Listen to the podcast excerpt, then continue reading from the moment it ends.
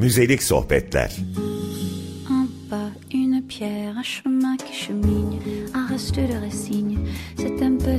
Kültür ve insana dair müze odaklı konuşmalar.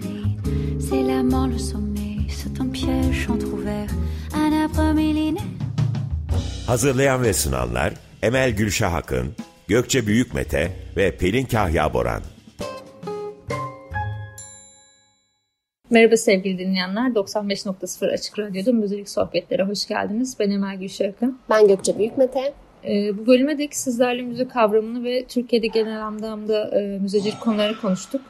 Hatta geçtiğimiz bölümde Türkiye'deki ilk müzecilik yüksek lisansından bahsederken Yıldız Teknik Üniversitesi'nin yüksek lisans programının açılış tarihinden de bahsetmiştik.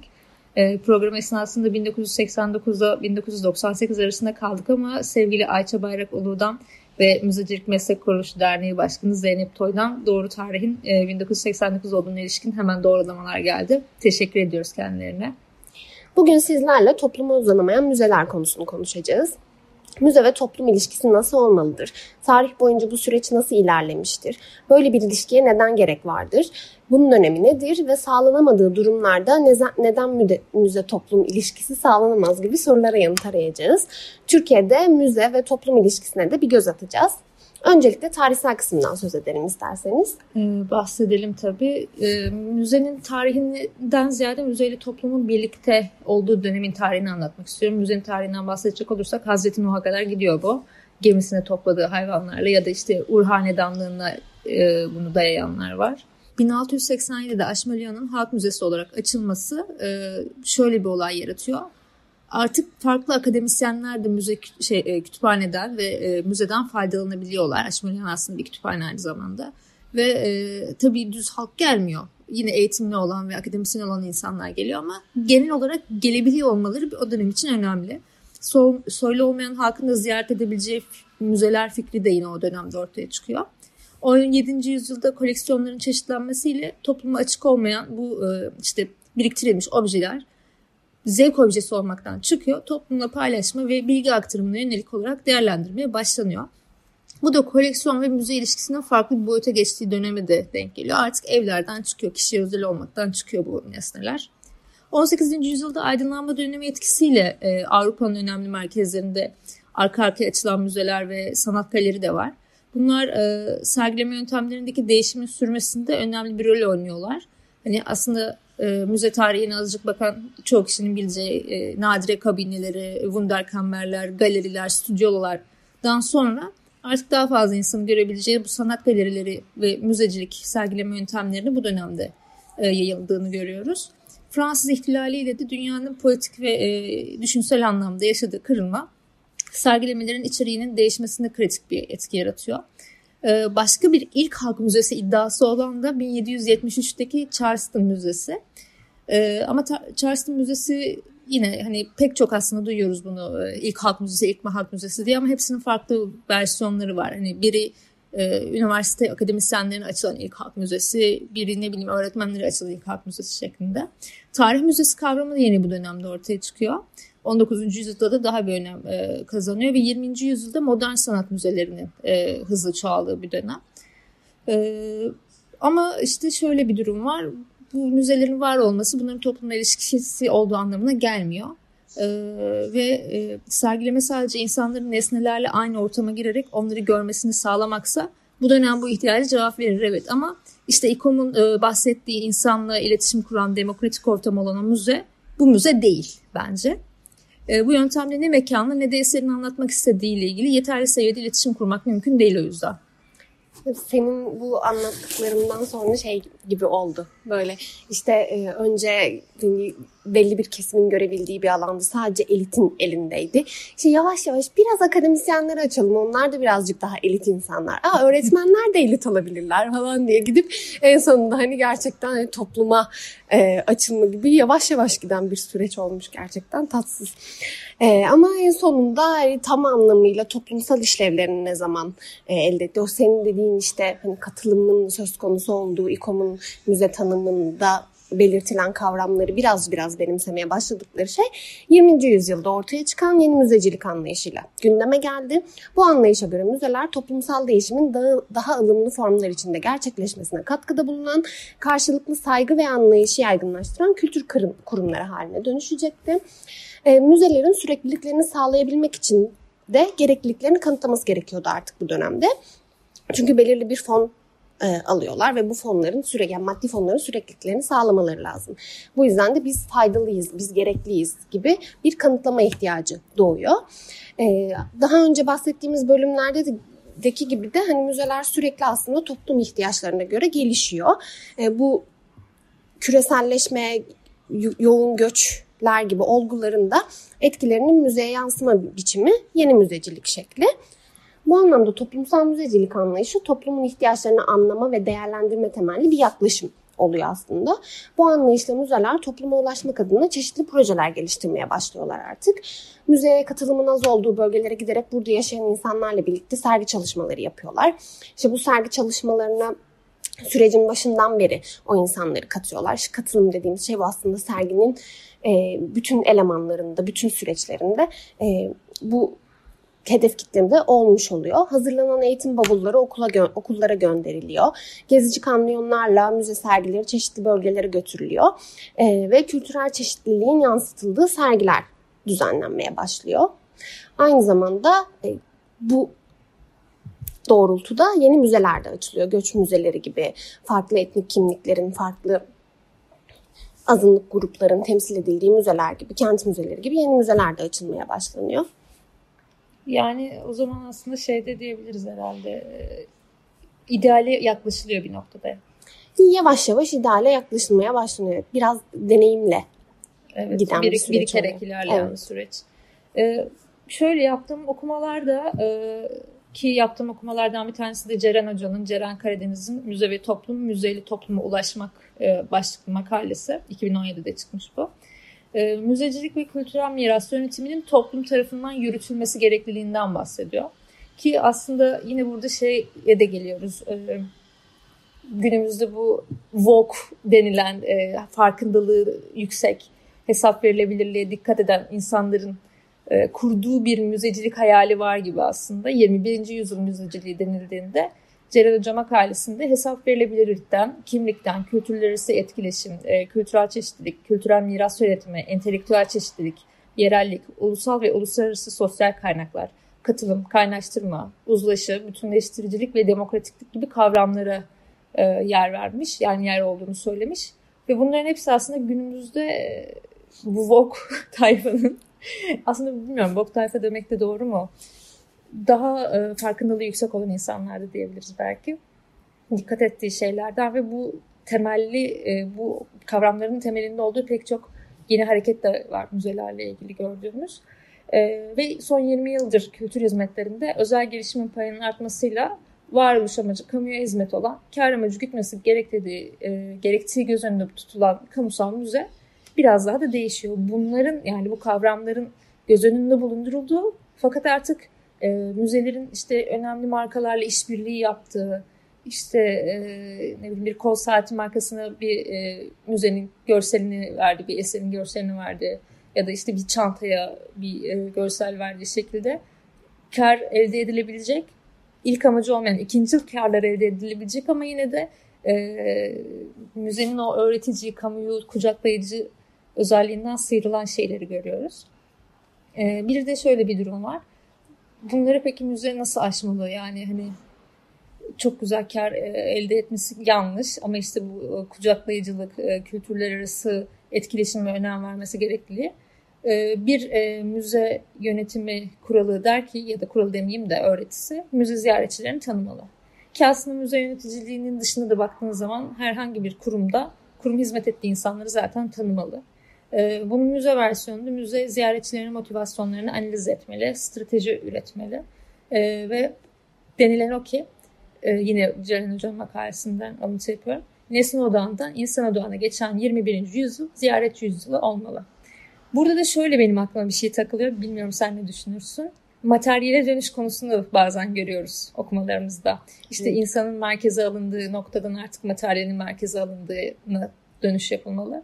Ama o zaman toplum ve müzenin ilişkisi nereye gider? Bunu merak ediyorum. Senin bir düşüncen var mı? İlle bir yere döneceğiz yani. hani bunları hep ikisini de yapalım, ikisinin de dengesini kuralım gibi bir şey olmuyor. Yani ben açıkçası şeyden çok korkmuyorum. Yani hani toplum şeyleri nereye gidecekten. Çünkü hani ilk başta çok nesne odaklı bir müze vardı. Sonra toplum odaklılık daha yeni yükselen ve hani müzelerin gerçekten e, sürekliliğini kanıtlamak yani yapmak için kendini kanıtlamak için yapması gereken yeni yeni ortaya çıkan bir kavramdı. Gitgide gelişti, gelişti, gelişti. Artık gelişti yani. Hani tabii ki gelişmeye devam edecek ama o farkındalık e, oturdu. Yani Evet belki o süreçte nesne biraz geri plana atılmış olabilir. Böyle kaygılar oluşturulmuş olabilir. Şimdi tekrar nesneye bir dönüş olmuş olabilir ama e, gerçekten bu kavramı oturtan müzelerde çünkü oturtamayan çok fazla ama toplumsal işlevlerini oturtabilmiş, bunu benimseyebilmiş müzelerde nesneyi tekrar gündemelerine alsalar bile toplumsal işlevleri yani insanı geri plana bırakarak alacaklarını düşünmüyorum ben. Ya da öyle ümit ediyorum diyelim. Yani işini iyi yapınca diyorsun nerede olursa altın yerini bulur. Şimdi o zaman bir müzik arası verelim. Ee, müzevi toplumdan bahsediyoruz ama dinleyeceğimiz müzik biraz daha sanatlar arası da temsil eden bir şey olacak. Ee, Shakespeare'in 29. sonesinin Florence Welch tarafından seslendirilen e, Benin Disgrace with Fortune and Man's Eyes'ı dinleyeceğiz. Ardından görüşmek üzere. Merhaba sevgili dinleyenler. 95.0 Açık Radyo'dasınız. Müzik sohbetleri devam ediyoruz. Ben Emel Gülşah Akın. Ben Gökçe Büyükmete. Ee, şimdiye kadar toplumu uzunlamayan müzeler konusundan bahsettik. Tarih boyunca müze toplum ilişkisi e, ve günümüzde genel olarak nasıl olduğu e, kavramlarına baktık, durumuna baktık. Şimdi ben bir de şeyden bahsetmek istiyorum. Ee, az önce saydığım e, Ceren Hoca'nın makalesinden yaptığımız alıntıdaki hesap verilebilirlik, kimlik ve kültürler arası etkileşim gibi kavramlar yeni e, hareketler oluşturdu dedim az önce. Bu hareketler aslında müze aktivizmi denilen hareketler. Müze aktivizmi süreçlerin izleyici değil, e, insanları katılımcı olmaya çağırdığı hareketler olarak görünüyor. E, ve e, biraz daha post müze adı verilen, geleneksel müzeden temelde farklı olan ve pek çok kişinin sesini yansıtmaya çalışan e, müze çeşitleri bunlar. Ya çeşitleri demeyeyim de formasyonunu oluşturuyor aslında. E, bunun içinde de e, müze aktivizmini e, yaparken belki de sanatçıların ya da halkın sorduğu şeylerden biri şu olabilir. Müzelerimiz insanların yaşam kalitesini iyileştirme hedefiyle işletilmiyorsa başka hangi temelde halk isteği, isteyebilir, halk desteği isteyebiliriz? Yani burada yine ben dönüp dolaşıp İKOM'un tanımına geliyorum ama e, hani müze kimin içindir aslında sorusu soruluyor. Bu müze aktivizmiyle de ilgili bazı e, yurt dışında başlayan akımlardan bahsedeceğim. Yine Ceren Hoca'nın makalesinde Ceren Hoca Occupy Museum'dan, Punk Museum'dan ve çocuk müzelerinden bahsetmiş ama ben Occupy Museum'un farklı bir versiyonundan bahsedeceğim. Bunun temeli e, aslında Occupy Wall Street'le başlıyor e, 2011'de ve bir grup sanatçıyla protestocuyla e, görüyoruz. İlk hedef kültürel elitizmin e, aslında kaldırılmasını üzerine New York Sanat Müzesi MoMA'ya gidiyorlar bunlar.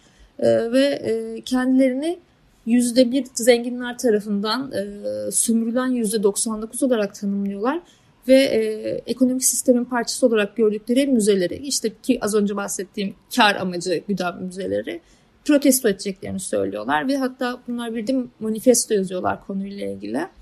E, buna da aslında sanatın protestoya ya da protestonun sanata dönüşmesi deniliyor. Çünkü bir noktada polislerin bunlara karşı koydukları bu e, metal parçaları enstale edip bir sanat eseri ortaya çıkarıyorlar. E, ve şöyle bir açıklamaları var. Oyun bitti. Yüzde birin yönettiği kültürel elitizm mabetlerinin oluşturduğu saadet zincirlerinin perde arkasını gördük. Artık biz yüzde 99'un içindeki sanatçılar sahte bir benzersizlik söylencesine dayanan ve sırf elitlerin en elitinin cebi parada dolsun diye bireysel dehayı gökleri çıkaran propagandalarla beslenen bu yozlaşmış hiyerarşik sistemi kabullenme zaafına düşmeyeceğiz diyorlar. Şimdi mesela ben şeyi hayal ediyorum. Ee, diğer aktivizm örneğini geçmeden önce fikrini merak ediyorum sorayım. Ee, Türkiye'de böyle bir şey olsa özel müzelerden birine insanlar gitse ve deseler ki siz e, özel müzesiniz ve eserlerinizi çok yüksek fiyata satıyorsunuz. Biz e, eserlerin satılmasını değil halkla paylaşılmasını istiyoruz. E, halkın daha çok yararlanmasını istiyoruz. Bunun sonu nereye giderdi sence? Occupy Museum'daki gibi bir şey görebilir miydik? Yani Türkiye'de böyle ya bu büyüklükte tepki görebilecek kurumlar çok belli kurumlar zaten hani öyle çok e, elimizde bir done o yok. Hani o kurumları da nasıl bir tepki verir, bu süreci nasıl yönetir e, bilmiyorum açıkçası. Allah göstermesin. yani güzel, güzel olma ihtimali zamanı çok bağlı. Yani Doğru. böyle bir hareketin hangi zamanda olmuş olduğu çok bağlı. Yani güzel bir sonuç da doğurabilir. Hani güzel bir sonuç doğurmayabilir ama her türlü bir gelişim sağlayacağı kesin yani. Keşke olsa, keşke ya, yaşansa. İyi de olsa, kötü de olsa bir değişiklik, evet, bir paradigma kesinlikle. değişikliği yaratır. Ben güzel kelimelerde kullanıyorum. Ee, ikinci aktivizm örneğimiz Liberate Tate, Tate'i özgürleştir. Ee, bu da Tate müzelerinin e, British Petrol BP ile olan sporluk, sponsorluk anlaşması üzerine yapılan bir e, nasıl diyeyim aktivizm örneği. 1990 ee, yılında başlayan sponsorluk anlaşması ifşa ediliyor Tate'le British Petrol'ün ve 26 e, yıldır süren bu anlaşma 2017'de bitirileceği açıklanıyor. Sonrasında zaten bu büyük Meksika körfezindeki petrol sızıntısı mevzusu çıkıyor ortaya ve daha da sesler yükseliyor. Bundan başka bir de günümüzde yer alan bir örnek vermek istedim. Bu benim yakından takip ettiğim bir olay. Museum for Future diye bir oluşum var. Türkiye'den de e, paydaşları var yurt dışından da paydaşları var. Aslında Yeşil Müze'yi biraz daha savunan bir oluşum. Ee, şöyle bir amaçları da var. Daha doğrusu söylemleri diyeyim. İklim değişimine, sosyal eşitsizliğe karşı ötekileştirilen grupları da içine alan bir mücadele kimseyi dışarıda bırakmadan olur ve bunda da kültür, sanat ve müzeler büyük rol oynamaktadır. Kültür yaratıcılığı teşvik ederken yaratıcı çözümleri beraberinde getirir. Aktivistlerin sesine ses katarak toplumun tüm kesimleriyle birlikte iklim değişimine karşı mücadele etmeliyiz diyorlar. Şimdi direkt baktığın zaman aslında şey diyorsun. Abi hani müzede eser sergilenir. Bunun kutupların erimesiyle ne ilgisi var?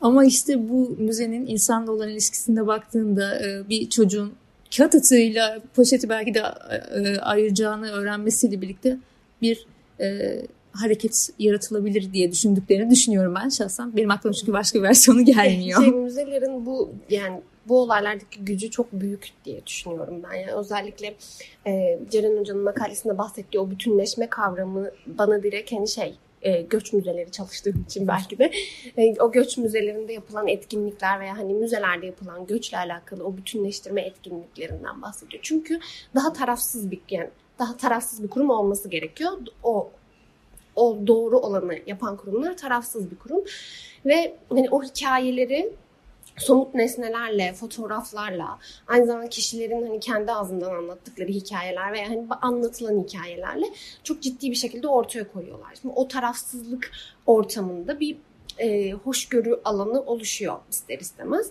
E, o hoşgörü alanında insanların bazı şeyleri anlaması çok daha kolaylaşıyor. Yani çeşitli önyargılar kırılabilir belki de.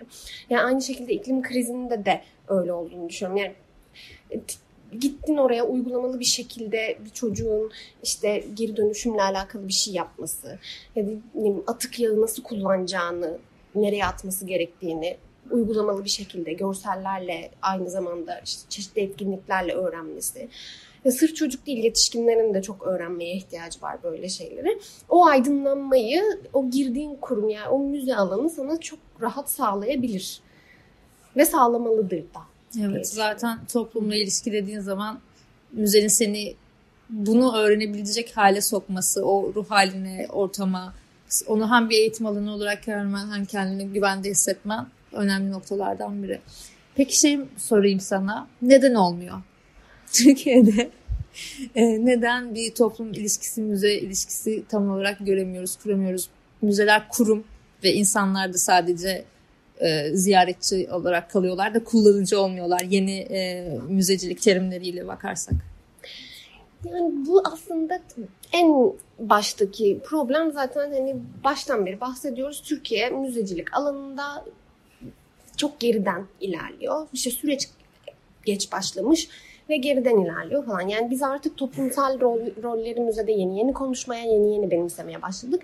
İlk benimsediğimiz şey eğitim. Eğitim artık hani her müzede e, dikkat edilip yapılmaya çalışılan bir şey. Yani özel müzelerde, Türkiye özelinde, devlet müzelerinde çok görmüyoruz yine. E, devlet müzeleri demişken e, Türkiye'deki devlet müzelerindeki en büyük problemlerden biri de aslında bürokrasi sürecinin çok e, sıkıntılı olması. Yani bir zaten uzman çok fazla yok Hı-hı. ülkemizde. Müzelerde çalışan uzman personel de çok fazla yok. E, ama uzman personel olup bir şeyler yapmak isteyen insanlar da çok fazla bürokratik süreçlere takılıyorlar.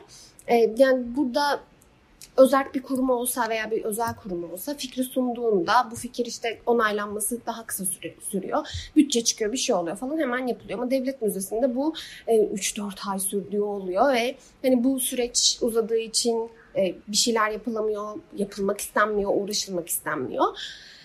Ee, böyle sıkıntılar olabiliyor. Aynı zamanda bizim ıı, toplum da müzeden ne bekleyebileceğini, müzelerin kendine karşı nasıl sorumlulukları olduğunu bilmiyor. Çünkü bir iletişimsizlik problemi Kesinlikle. var. Yani hiçbir müze kendini anlatmıyor topluma ya da kimse topluma şimdi müze budur ve size bunları şey yapar gibi bir bilinç oluşturmamış. Ya da senin müzeden ne talep edebileceğine ilişkin bir fikrin yoksa eğer zaten bir şey talep etmezsin. Evet bir şey talep etmiyor. Şimdi e, bir şey talep etmeyince de e, gitmiyor. O, o gitmeyince top, müze kendini geliştirmiyor veya kendini kanıtlama kaygısı gütmüyor.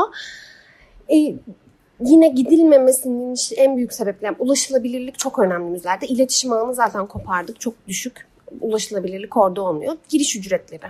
Yani çıktığında böyle sorduğunda hani yapılan araştırmalarda genelde giriş ücreti. Yani müzeler çok pahalı gibi bir algı oluşuyor devlet müzelerinde. Yani çünkü özel müzelere baktığımızda geneli ücretsiz. Ücretli olanlar da hani bazıları evet hani ciddi ücretli diyelim. Ama bizim ekonomimizde gerçekten ciddi ücretlere tekabül edebiliyor. Yani gitgide ekonomi kötüye gidiyor. Hiçbir insan işte ben gideyim de bir müze gezeyim diye e, para vermek istemiyor dolayısıyla. Aynen. Çünkü gidip şey görüyor müzede yani hani dizilmiş eserler onun bakış açısıyla. Yani müzeyi onun içine katmıyor, kendinden hiçbir şey bulmuyor müzede. E, hiçbir eğitim, etkinlik, hiçbir şey öğrenmiyor, bir farkındalık sağlamıyor belki de. Ya o yüzden ben bu parayı niye vereyim? Boşa veriyorum bu parayı. Ben giderim ya zaten geçim derdi çok büyük bir Kesinlikle. problem olmuş durumda artık. Ve vermek istemiyorum. Mesela geçen gün bununla ilgili bir tweet okudum. Çok komik. Aynısını ben söyleyecektim. e, Twitter'da asgari ücretle neler yapılabilir diye bir sayfa var. O sayfada işte böyle e, şey yazmışlar. Ay müzeler ücretlidir. O yüzden müze gezmek yerine gidin inşaat izleyin diye bir tavsiyede bulunmuşlar. hani, e, bu noktada olunca da tabii ulaşmak biraz zor oluyor. Kesinlikle katılıyorum ve bence bir şeylerin konuşuluyor olması da aslında çözümleri için ilk e, adımlardan biri de olabilir. Belki biz bunları bugün söyleyerek birilerinin aklına yeni bir şeyler getirmişizdir. Belki yarın inşaat sizlerle. Bilemiyorum ama e, güzel bir sohbet oldu. Teşekkür ediyorum sana. Ben de teşekkür ederim. Ee, sevgili dinleyenler biz dinlediğiniz için teşekkür ederiz. Sonraki bölümde görüşmek üzere. Hoşçakalın. Hoşçakalın. Müzelik sohbetler. Un pas, une pierre, un chemin qui chemine, un reste de racine, c'est un peu solitaire. Kültür ve insana dair müze odaklı konuşmalar. C'est la mort, le sommet, c'est un piège entrouvert, un arbre millénaire. Hazırlayan ve sunanlar Emel Gülşah Akın, Gökçe Büyükmete ve Pelin Kahya Boran.